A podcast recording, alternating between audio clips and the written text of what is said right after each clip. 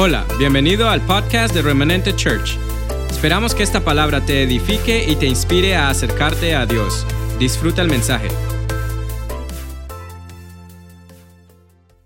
Gloria a ti, Señor. Aleluya. De verdad que estoy contento de estar aquí nuevamente en este altar. Eh, no es fácil. Créame que estoy más nervioso de lo, de lo natural, pero es natural, amén, porque es una responsabilidad grande llevar el, mensaje de, de su palabra. Y quiero incomodarlos un momento más y vamos a ponernos de pie. Y quiero que, como el tema va a hablar de eso, quiero que hagamos una declaración todos al unísono. Y es una declaración que no es mía, pero se la he escuchado a un predicador bien reconocido y sé que es poderosa. Y vamos a repetirlo. En mi boca está el poder de la vida y de la muerte.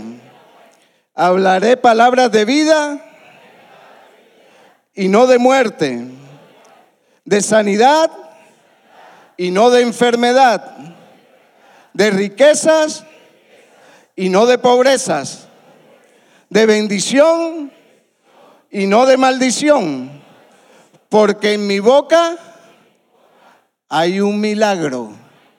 ¿Cuántos lo creen? Nuestra boca, Dios la creó para milagros. Amén. Puede sentarse.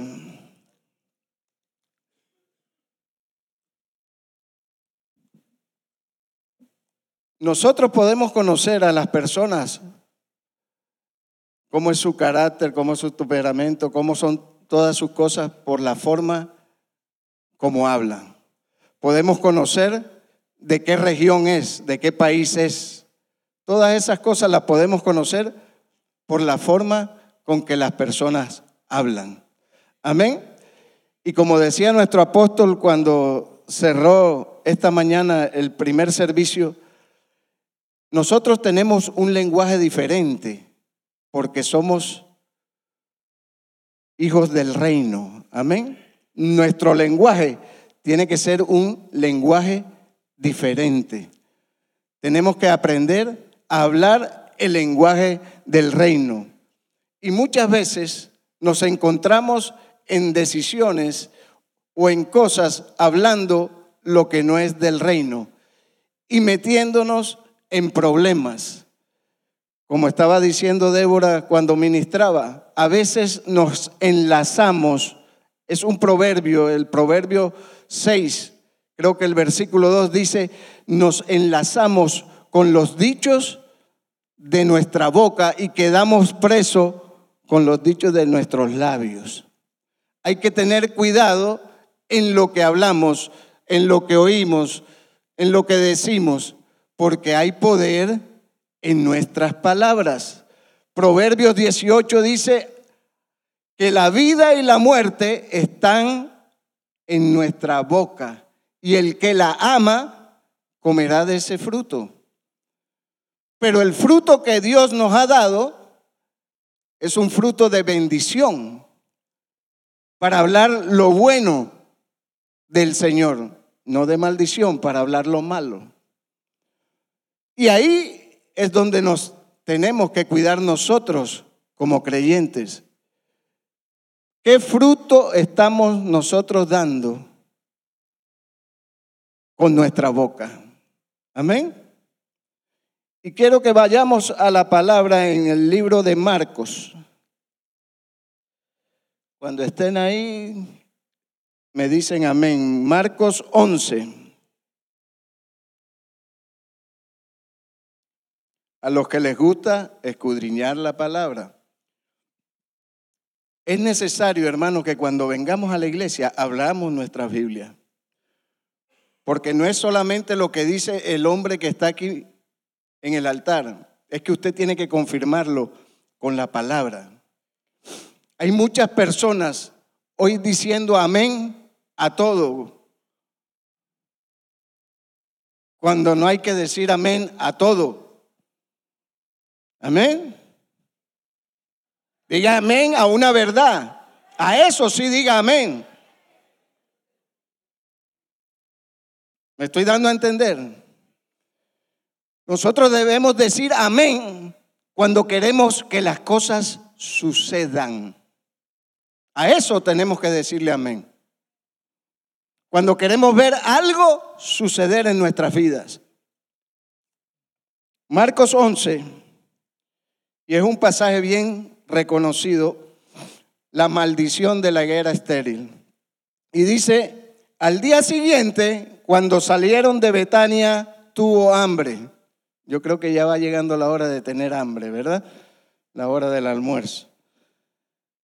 Tuvo hambre y viendo de lejos una higuera que tenía hojas, fue a ver si tal vez hallaba en ella algo, pero cuando llegó a ella, nada halló sino hojas, pues no era tiempo de higos. La higuera estaba bien frondosa, con hojas. Pero dice la escritura que el Señor tenía hambre y fue a ver si había higos en ella, si encontraba higos en ella para comer, pero no los halló. Y mire lo que dice el versículo 14. Entonces Jesús dijo a la higuera, oiga lo que pronunció Jesús, nunca jamás coma nadie fruto de ti. Y lo oyeron sus discípulos. Mire esa afirmación tan fuerte que sale de la boca del Señor. Nunca más nadie coma fruto de ti. Y lo oyeron sus discípulos. Yo me pregunto aquí, Jesús pudo haberle dicho a la higuera, produce frutos, higos, en esta misma hora.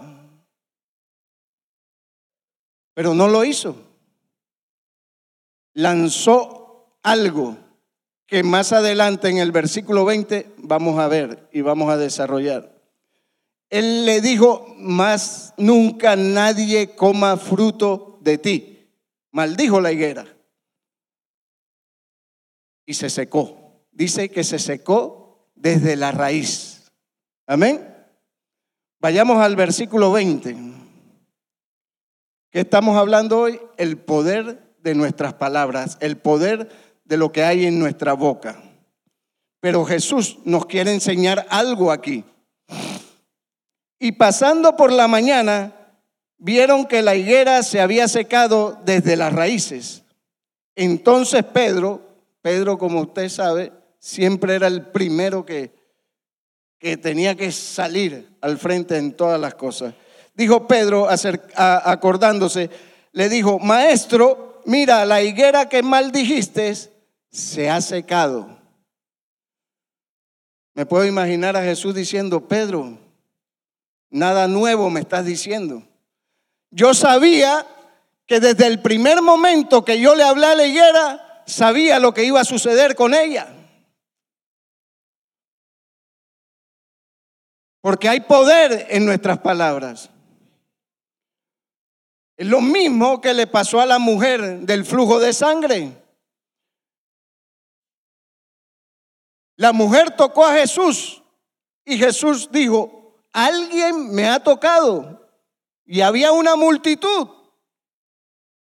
Pero él dijo, alguien me ha tocado. Habló en singular. Alguien.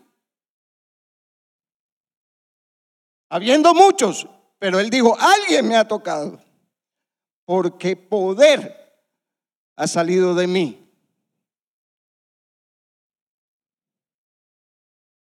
Amén. Respondió Jesús y le dijo, tened fe en Dios. ¿Cuántos tenemos fe en Dios? ¿Por qué muchas veces dudamos entonces?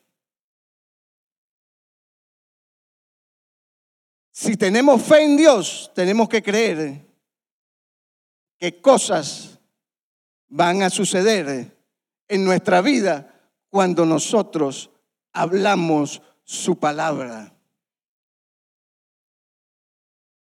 Nuestro lenguaje, como decía el apóstol, muchas veces no es el lenguaje del reino y nosotros tenemos que aprender a hablar el lenguaje del reino, hablar su palabra. Cuando nosotros nos alineamos con el Señor y su palabra, dice qué cosas van a suceder. Su palabra dice, el que permanece en mí y su palabra permanece, y mi palabra permanece en ellos, pueden pedir cualquier cosa y les será hecho. Si nosotros permanecemos en el Señor y su palabra permanece en nosotros, podemos pedir cualquier cosa y será hecho por nuestro Padre. Es su promesa. Y Él, según entiendo yo, no es hombre para que mienta, ni hijo de hombre para que se arrepienta. O sea, lo que Él dijo, lo va a cumplir, porque es su palabra y Él no se puede negar a sí mismo. Amén.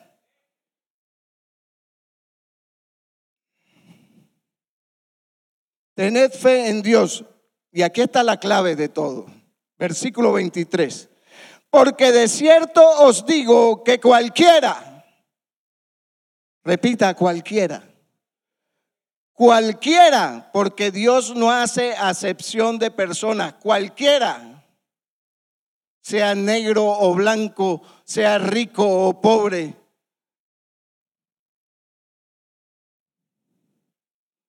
sea doctorado o ni siquiera haya hecho elemental. No escatima aquí a nadie. Dice cualquiera que dijere a este monte, quítate y échate en el mar, y no dudare en su corazón. Lo que diga, sino que creyere que será hecho lo que dice. Lo que diga, le será hecho. Lo que diga, le será hecho. Poder en las palabras. Amén. Por tanto os digo que todo lo que pidiereis orando, creed que lo recibiréis y os vendrá. Otra versión dice, creed que lo recibisteis, porque ya está hecho. Dios es un Dios de un eterno presente. Él no tiene pasado ni futuro, Él es presente. Él es constante. Él no tiene sombra ni mudanza de variación. Él es el mismo, ayer, hoy y por los siglos. Por eso nuestro Dios es un Dios generacional. Va de generación en generación. Amén. Aleluya. Y yo me preguntaba también una cosa, ¿por qué Jesús usó una maldición?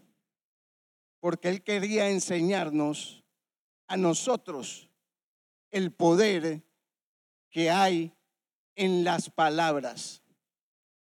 Por eso nosotros tenemos que cuidarnos en lo que estamos hablando, en lo que estamos diciendo, porque usted no quiere tener bajo sus hombros la maldición de alguien, porque usted ha hablado mal de esa persona.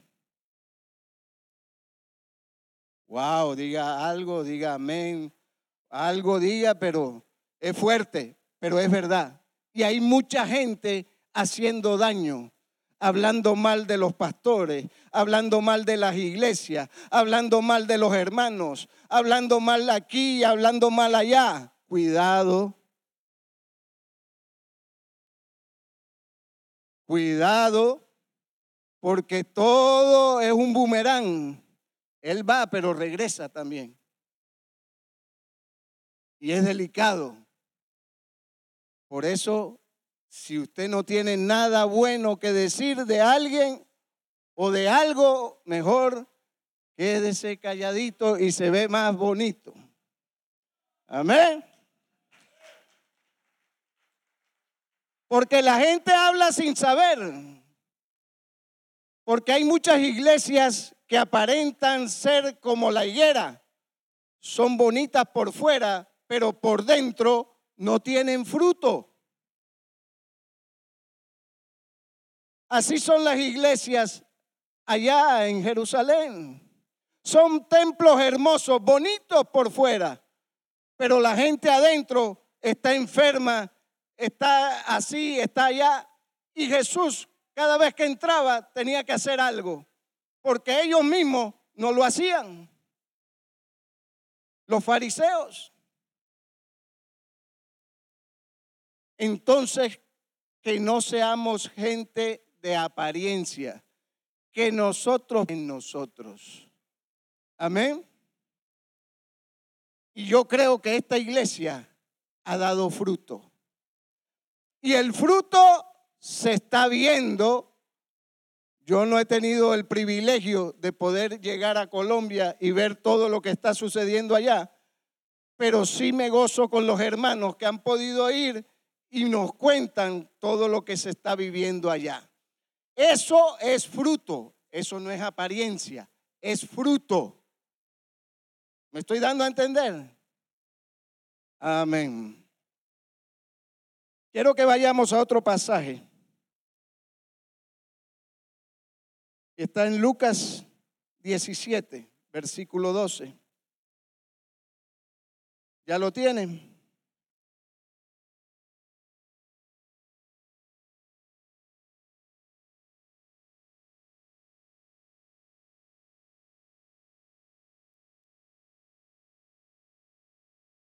Lucas 17.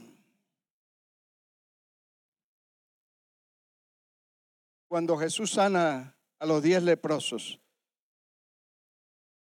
Dice, yendo Jesús a Jerusalén, pasaba entre Samaria y Galilea, y al entrar en la aldea, le salieron al encuentro diez hombres leprosos, los cuales se pararon de lejos y alzaron la voz diciendo, Jesús, Maestro, ten misericordia de nosotros. Cuando él los vio, les dijo, y mostrado a los sacerdotes. Ni siquiera él le impuso las manos a los leprosos. Él solo les dio una orden. Le dijo, id porque en ese tiempo los leprosos no podían andar por, por la ciudad, por los lugares, tenían que estar en cierto, en cierto, en, cierto lugar ahí permanentemente. Y les digo, en, en ese tiempo los, los leprosos tenían que ir y presentarse al, al sacerdote para dar fe, testimonio de que habían sido sanados y dar su ofrenda. Amén. Y entonces Jesús le dijo, y habló. Lo mismo que le habló a la higuera, le habló a los leprosos. Él sabía lo que iba a suceder con ellos. Porque dice que cuando iban de camino, fueron sanados, fueron limpiados. Amén. Y aconteció que mientras iban fueron limpiados. Entonces uno de ellos, viendo que había sido sanado, volvió glorificando a Dios a gran voz. Y se postró rostro en tierra a sus pies, dándole gracias. Y este era samaritano. De los diez que fueron sanados, solo uno regresó a darle la gloria y la honra al Señor. Y para remate era extranjero, era samaritano. Y ustedes saben que samaritanos y judíos no se podían tratar, no se podían ni ver siquiera. Y el mismo Jesús hace esta pregunta. Respondiendo Jesús dijo, ¿no son diez los que fueron limpiados? ¿Y los otros nueve dónde están? Diga, ¿y los otros nueve dónde están? A veces estamos orando porque algo suceda con nuestros hijos, con nuestro matrimonio, con nuestro trabajo, en nuestras relaciones. Y sucede algo, pero sucede algo a medias. Usted está orando por sus hijos, tiene dos o tres hijos, de repronto, como dice el apóstol, llega uno donde su madre, dándole la gloria al Señor porque se convirtió y fue sanado de su adicción a las drogas. Pero la madre dice, no, yo oré por tres. ¿Dónde están los otros dos? Yo también los quiero ver. Aquí. Amén. Yo también los quiero ver aquí. Cuando oramos por algo, no limitemos a Dios. Dios lo va a hacer completo para nosotros. Él no deja nada a medias. Él lo que va a hacer, lo va a hacer completo. Amén.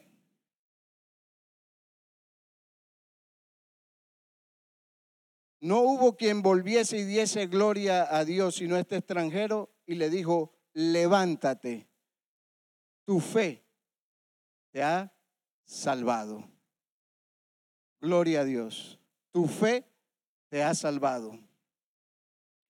Y vamos al último pasaje. Está en el libro de Primera de Reyes, capítulo 17 también.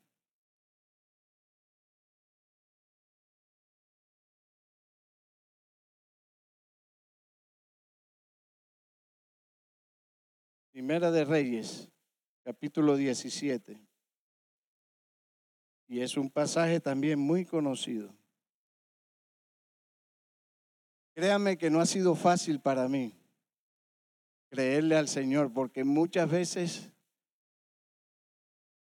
yo siempre he tenido un bosquejo para predicar. Pero en este momento el Señor no me dejó hacer ningún bosquejo porque Él quiere que la palabra que está implantada en nuestra boca fluya. Él dijo, hijo, y yo tenía una lucha, pregúntele a mi esposa, en la mesa del comedor, yo tenía una lucha conmigo mismo. Pero es tiempo de creerle a Dios por cosas grandes. No por cosas pequeñas, por cosas grandes. Y dijo así, abre tu boca porque yo la voy a llenar.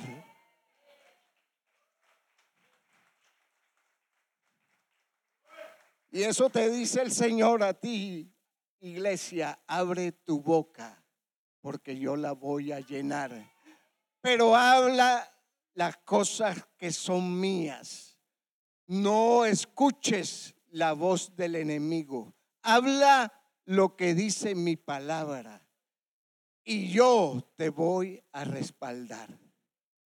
Amén. Ese es Dios. Cuando tú le obedeces, cosas suceden, mi hermano.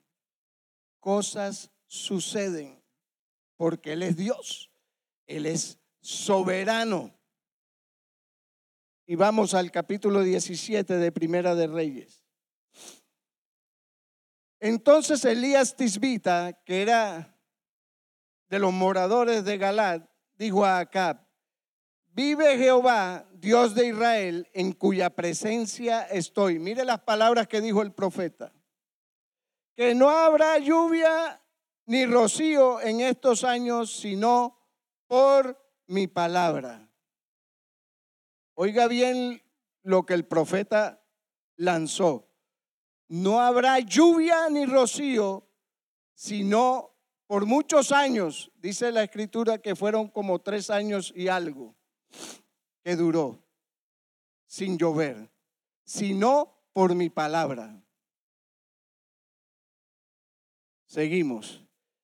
Ah, hay que saber y entender que Elías, dice la escritura en, el libro de Santiago, era un hombre sujeto a pasiones. Era un hombre normal, como tú y como yo. Pero él sabía y creía el poder que había en las palabras.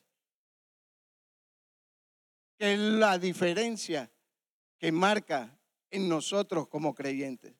Saber el poder que hay en nuestras palabras.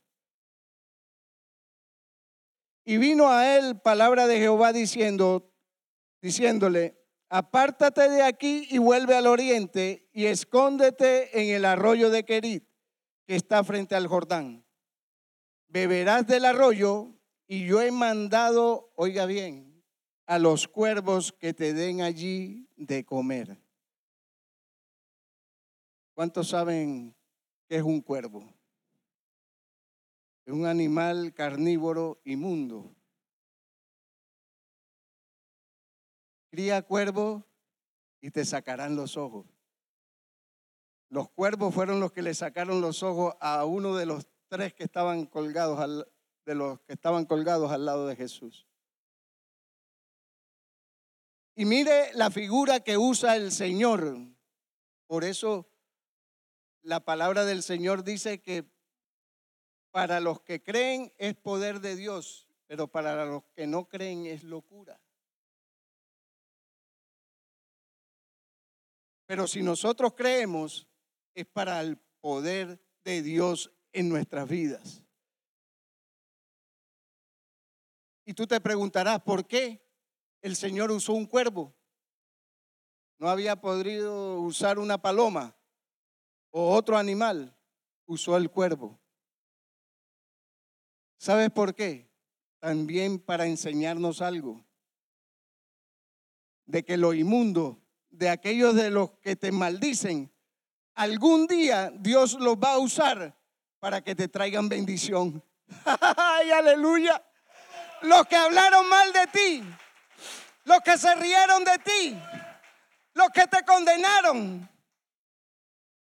esos mismos vendrán a ti para traerte bendición. Aleluya. Dios es tremendo. Dios es tremendo, mi hermano. A Él no se le escapa nada. Gloria a ti, Señor. Y él fue e hizo conforme a la palabra de Jehová, pues se fue y vivió junto al arroyo de Querid que está enfrente al Jordán. Y los cuervos le traían pan y carne por la mañana y pan y carne por la tarde. Y bebía del arroyo, y dice el 7, y pasado algunos días se secó el arroyo porque no había llovido sobre la tierra. ¿Quién fue el que habló que no iba a haber lluvia sino por su palabra? El mismo. Y el arroyo se secó. Sucedió. Vio el poder de las palabras. Pero el poder de las palabras suceden cuando tenemos un corazón limpio y recto delante de Dios. Por eso tenemos que tener cuidado, porque si nosotros tenemos un corazón conforme al corazón de Dios, como lo tenía David, cosas van a suceder, hermano, cuando abramos nuestra boca.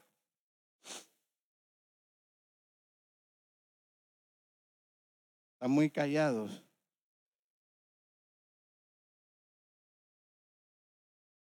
Están muy callados. Eso quiere decir que están recibiendo. Aleluya. Versículo 8. Vino luego a él palabra de Jehová diciendo, levántate, vete a Zarepta de Sidón y mora allí. he aquí yo he dado orden allí a una mujer viuda que te sustente. Otra vez. Imagínense, alimentó al profeta con un cuervo. Y ahora le dice que una viuda lo va a sostener, lo va a alimentar. Si nosotros estamos para ayudar a las viudas, supuestamente el profeta tenía que ayudar a la viuda y la viuda el Señor la usa para que provea y sustente al profeta. Pero el Señor se las traía. Más adelante vamos a ver por qué. Entonces él se levantó y se fue a Zarepta. Y cuando llegó a la puerta de la ciudad, he aquí una mujer viuda que estaba allí recogiendo leña. Y él la llamó y le dijo, te ruego que me traigas un poco de agua en un vaso para que beba. Y yendo ella para traérsela, él la volvió a llamar y le dijo, te ruego que me traigas también un bocado de pan en tu mano. Y ella respondió, mire lo que responde la viuda, las palabras. Estamos hablando del poder de las palabras. Métase bien en el mensaje. Amén. Mire lo que dice la, la viuda. Y ella respondió, vive Jehová, tu Dios, que no tengo pan cocido, solamente un puñado de harina tengo en la tinaja y un poco de aceite en la vasija. Y ahora recogía dos leños para entrar y prepararlos para mí y para mi hijo, para que lo comamos y nos dejemos morir. Ponga atención en esto. Para que lo comamos y nos dejemos morir. Usted va a ver más adelante lo que sucede. Elías le dijo, no tengas temor, ve, haz como has dicho, pero hazme a mí primero de ello una pequeña torta cocida debajo de la ceniza y tráemela. Y después harás para ti y para tu hijo. Oiga bien lo que sale ahora. Porque Jehová, Dios de Israel, ha dicho, ¿quién ha dicho? Jehová, Dios de Israel, así, la harina de la tinaja no escaseará, ni el aceite de la vasija disminuirá, hasta el día en que Jehová haga llover sobre la faz de la tierra. Entonces ella fue e hizo como le dijo Elías, y comió él y ella y toda su casa por muchos días. Amén. Obedeció lo que había dicho el profeta y sucedió. Y la harina de la tinaja no escaseó, ni el aceite de la vasija menguó, conforme a la palabra de Jehová que había dicho por Elías. Pero ahora el versículo 17. Después de estas cosas aconteció que cayó enfermo el hijo del ama de, la casa y la enfermedad fue tan grave que no quedó en él aliento. Y ella dijo a Elías, ¿qué tengo yo contigo, varón de Dios? ¿Has venido a mí para traer memoria de mis iniquidades y para hacer morir a mi hijo? Él le dijo, dame acá tu hijo. Entonces él lo tomó en su regazo y lo llevó al aposento donde él estaba y lo puso sobre su cama y clamando a Jehová, dijo, Jehová Dios mío, aún a la viuda en cuya casa estoy hospedado, has afligido, haciéndole morir su hijo. Y se tendió sobre el niño tres veces y clamó a Jehová y dijo, Jehová Dios mío, te ruego que hagas volver el alma de este niño a él. Y Jehová oyó la voz de Elías, y el alma del niño volvió a él y revivió. Tomando luego Elías al niño, lo trajo al aposento de la casa y lo dio a su madre. Y le dijo, y le dijo Elías, mira, tu hijo vive.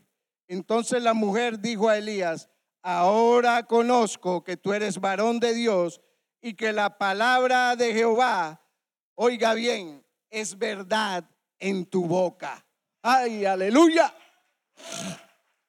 Que la palabra de Jehová es verdad en tu boca.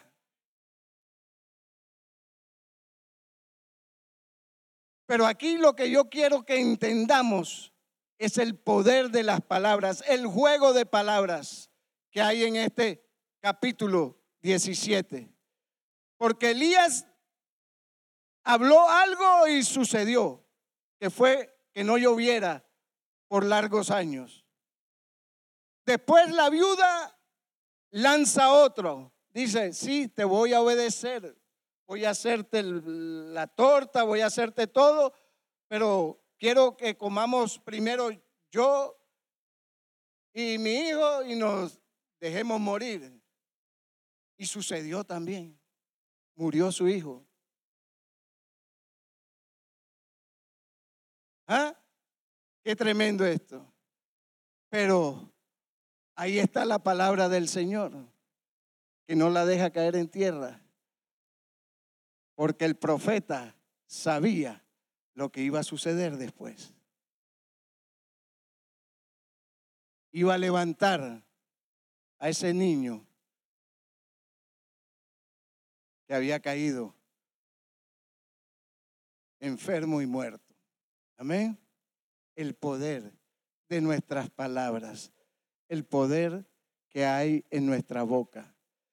Primera de Pedro 3:10 dice, el que quiere ver días buenos, refrene su boca del mal y sus labios no hablen engaño. ¿Cuántas personas hoy en día van engañando o siendo engañados? ¿Cuántas personas hoy en día están engañando a otros para sacar beneficio? Es delicado, mi hermano. Y lo estamos viendo. Es delicado. Por eso hay que cuidar lo que hablamos, lo que decimos, lo que oímos. Amén. Quiero dejarte varios versículos que entre servicio y servicio el Señor me puso a buscarlo. Y el libro de Proverbios, si usted quiere enriquecerse con el libro de Proverbios, ahí va a encontrar cantidad de mensajes que hablan sobre la boca. Y uno de ellos, y que es el más delicado, usted no sabe que la Biblia habla más de 500 veces sobre la boca. Más de 500 veces habla esta palabra sobre la boca. Y mire lo que dice Proverbios 6, versículo 16. Este me lo recordó el Señor sentado ahí entre servicio y servicio. Este no lo dije en el primer servicio. Seis cosas aborrece Jehová. De este pasaje, tres tienen que ver con la boca y aún siete abomina su alma. Los ojos altivos, oiga bien, la lengua mentirosa tiene que ver con la boca. Las manos derramadoras de sangre inocente, el corazón que maquina pensamientos inicuos, tiene que ver con la boca. Los pies presurosos para correr al mal. El testigo falso que habla mentiras ¿Cuántas personas se han prestado para testificar falsamente contra otras? Lo vemos a menudo. En las cortes, en cualquier parte, lo vemos a menudo. El testigo falso que habla mentiras y el que siembra discordia entre hermanos. La última, con la última, y el que siembra discordia entre hermanos es la que el Señor abomina. Tremendo.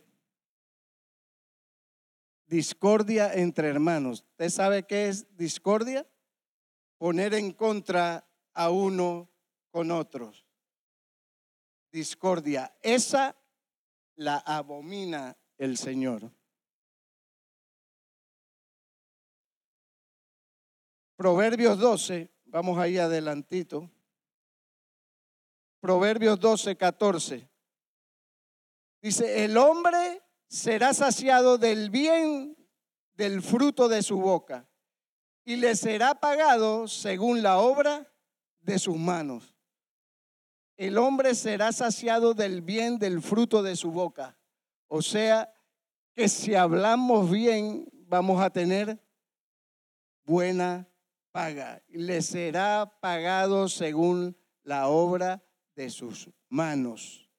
Ahí mismo vaya al 18. Hay hombres cuyas palabras son como golpe de espada, mas la lengua de los sabios, oiga, es medicina. Que Dios nos dé lengua de sabios, hermano, para traer medicina. Amén. para consolar, para amar.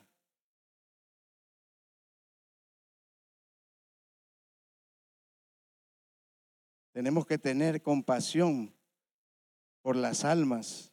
Amén.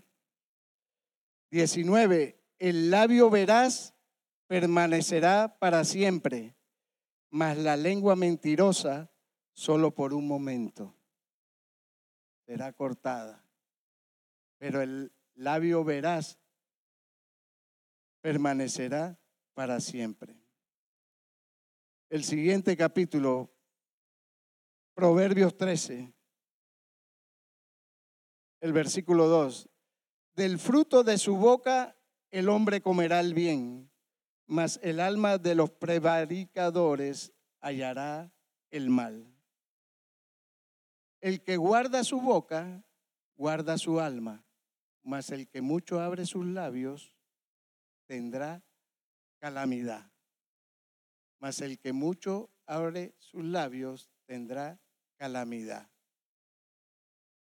Hay muchos de nosotros metiéndonos en problemas por solamente abrir este pequeño miembro. Como dice Santiago en el capítulo 3 esta lengüita, que es el miembro más pequeño que nosotros tenemos en el cuerpo, produce un cuando no la sabemos sujetar al Espíritu.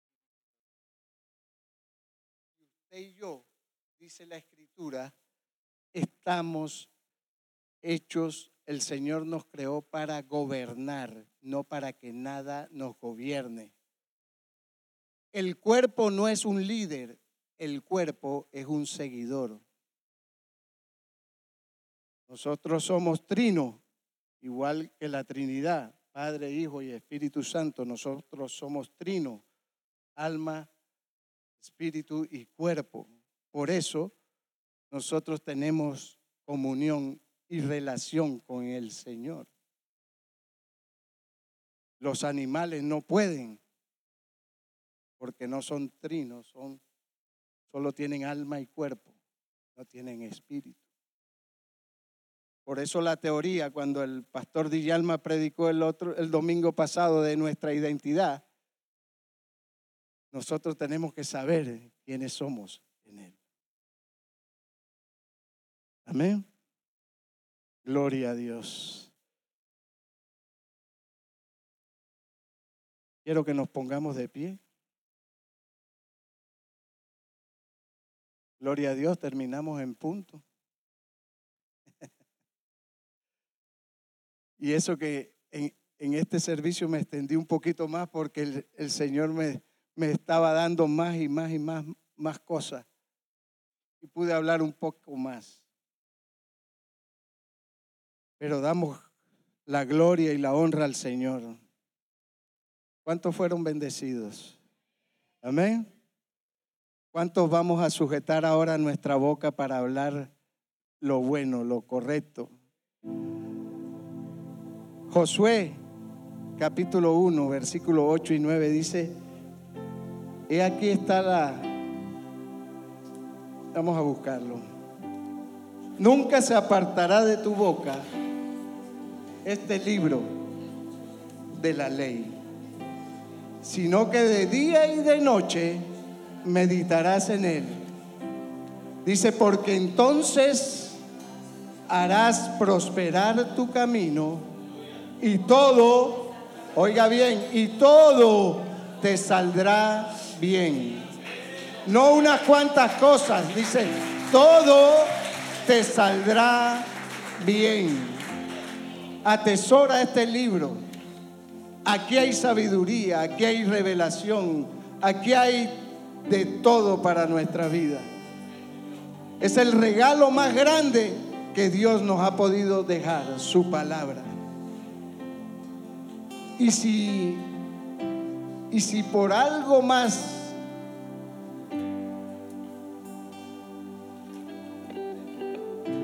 tú y yo, ¿cómo llegamos hasta aquí? Tú y yo, ¿cómo llegamos hasta aquí? Porque un día creímos en el Señor y lo confesamos con nuestra boca. Vamos al libro de Romanos para terminar. Y leámoslo porque es bonito leerlo.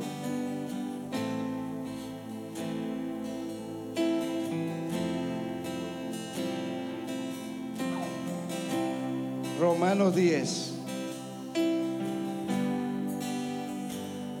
Dice, mas ¿qué dice? Cerca de ti está la palabra en tu boca y en tu corazón. Esta es la palabra de fe que predicamos. Que si confesares con tu boca que Jesús es el Señor y creyeres en tu corazón que Dios le levantó de los muertos, serás salvo. Porque con el corazón se cree para justicia pero con la boca se confiesa para salvación. Amén. Con la boca se confiesa para salvación. Con la boca, hermano. Bendiga a su esposa, bendiga a sus hijos. No declare a sus hijos, tú eres un cabezón, tú no sirves para nada aquí y allá. No, declare palabras sobre ellos. Declare palabras sobre su esposa. Declare palabras sobre su matrimonio. Declare palabras sobre su esposo. Declare palabra que Dios lo va a respaldar. Porque Él no es hombre para que mienta, ni hijo de hombre para que se arrepienta. Él habló y Él hará. Él es el mismo ayer, hoy, por los siglos. Cielo y tierra pasará, mas su palabra no pasará. Tenemos que vivir por su palabra.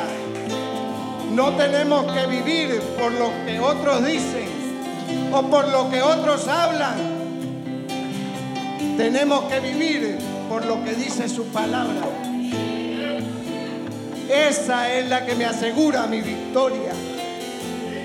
Esa es la que me lleva a su presencia.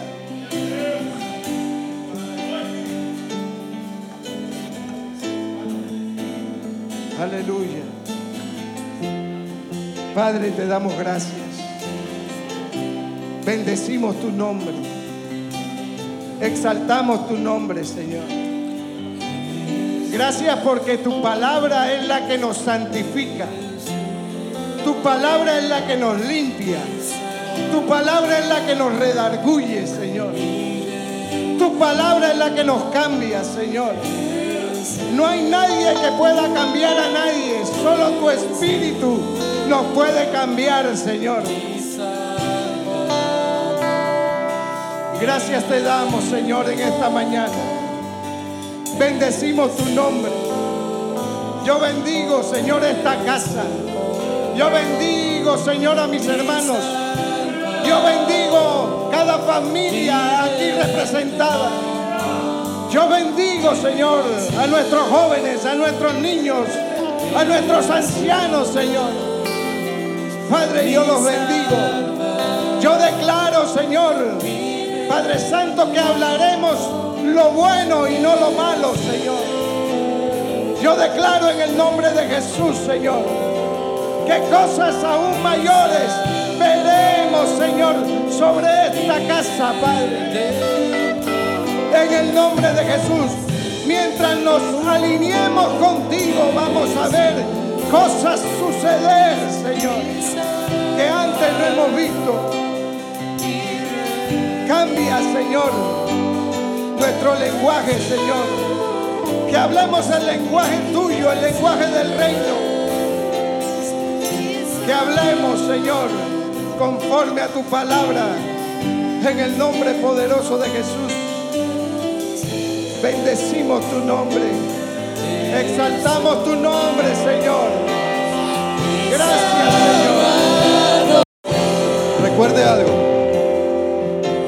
nación, cada cultura tiene un lenguaje. Aún en nuestra cultura latinoamericana tenemos una jerga donde hablamos palabras que no necesariamente son de vida. A veces nuestra cultura contiene muchas palabras de muerte. La Biblia dice que la vida y la muerte están en, en lo que decimos. Pero en el lenguaje de Dios, en el reino de Dios, hay un idioma, hay un lenguaje que hablar, que no necesariamente es un lenguaje religioso, pero es un lenguaje de vida, es un idioma de vida, que crea vida.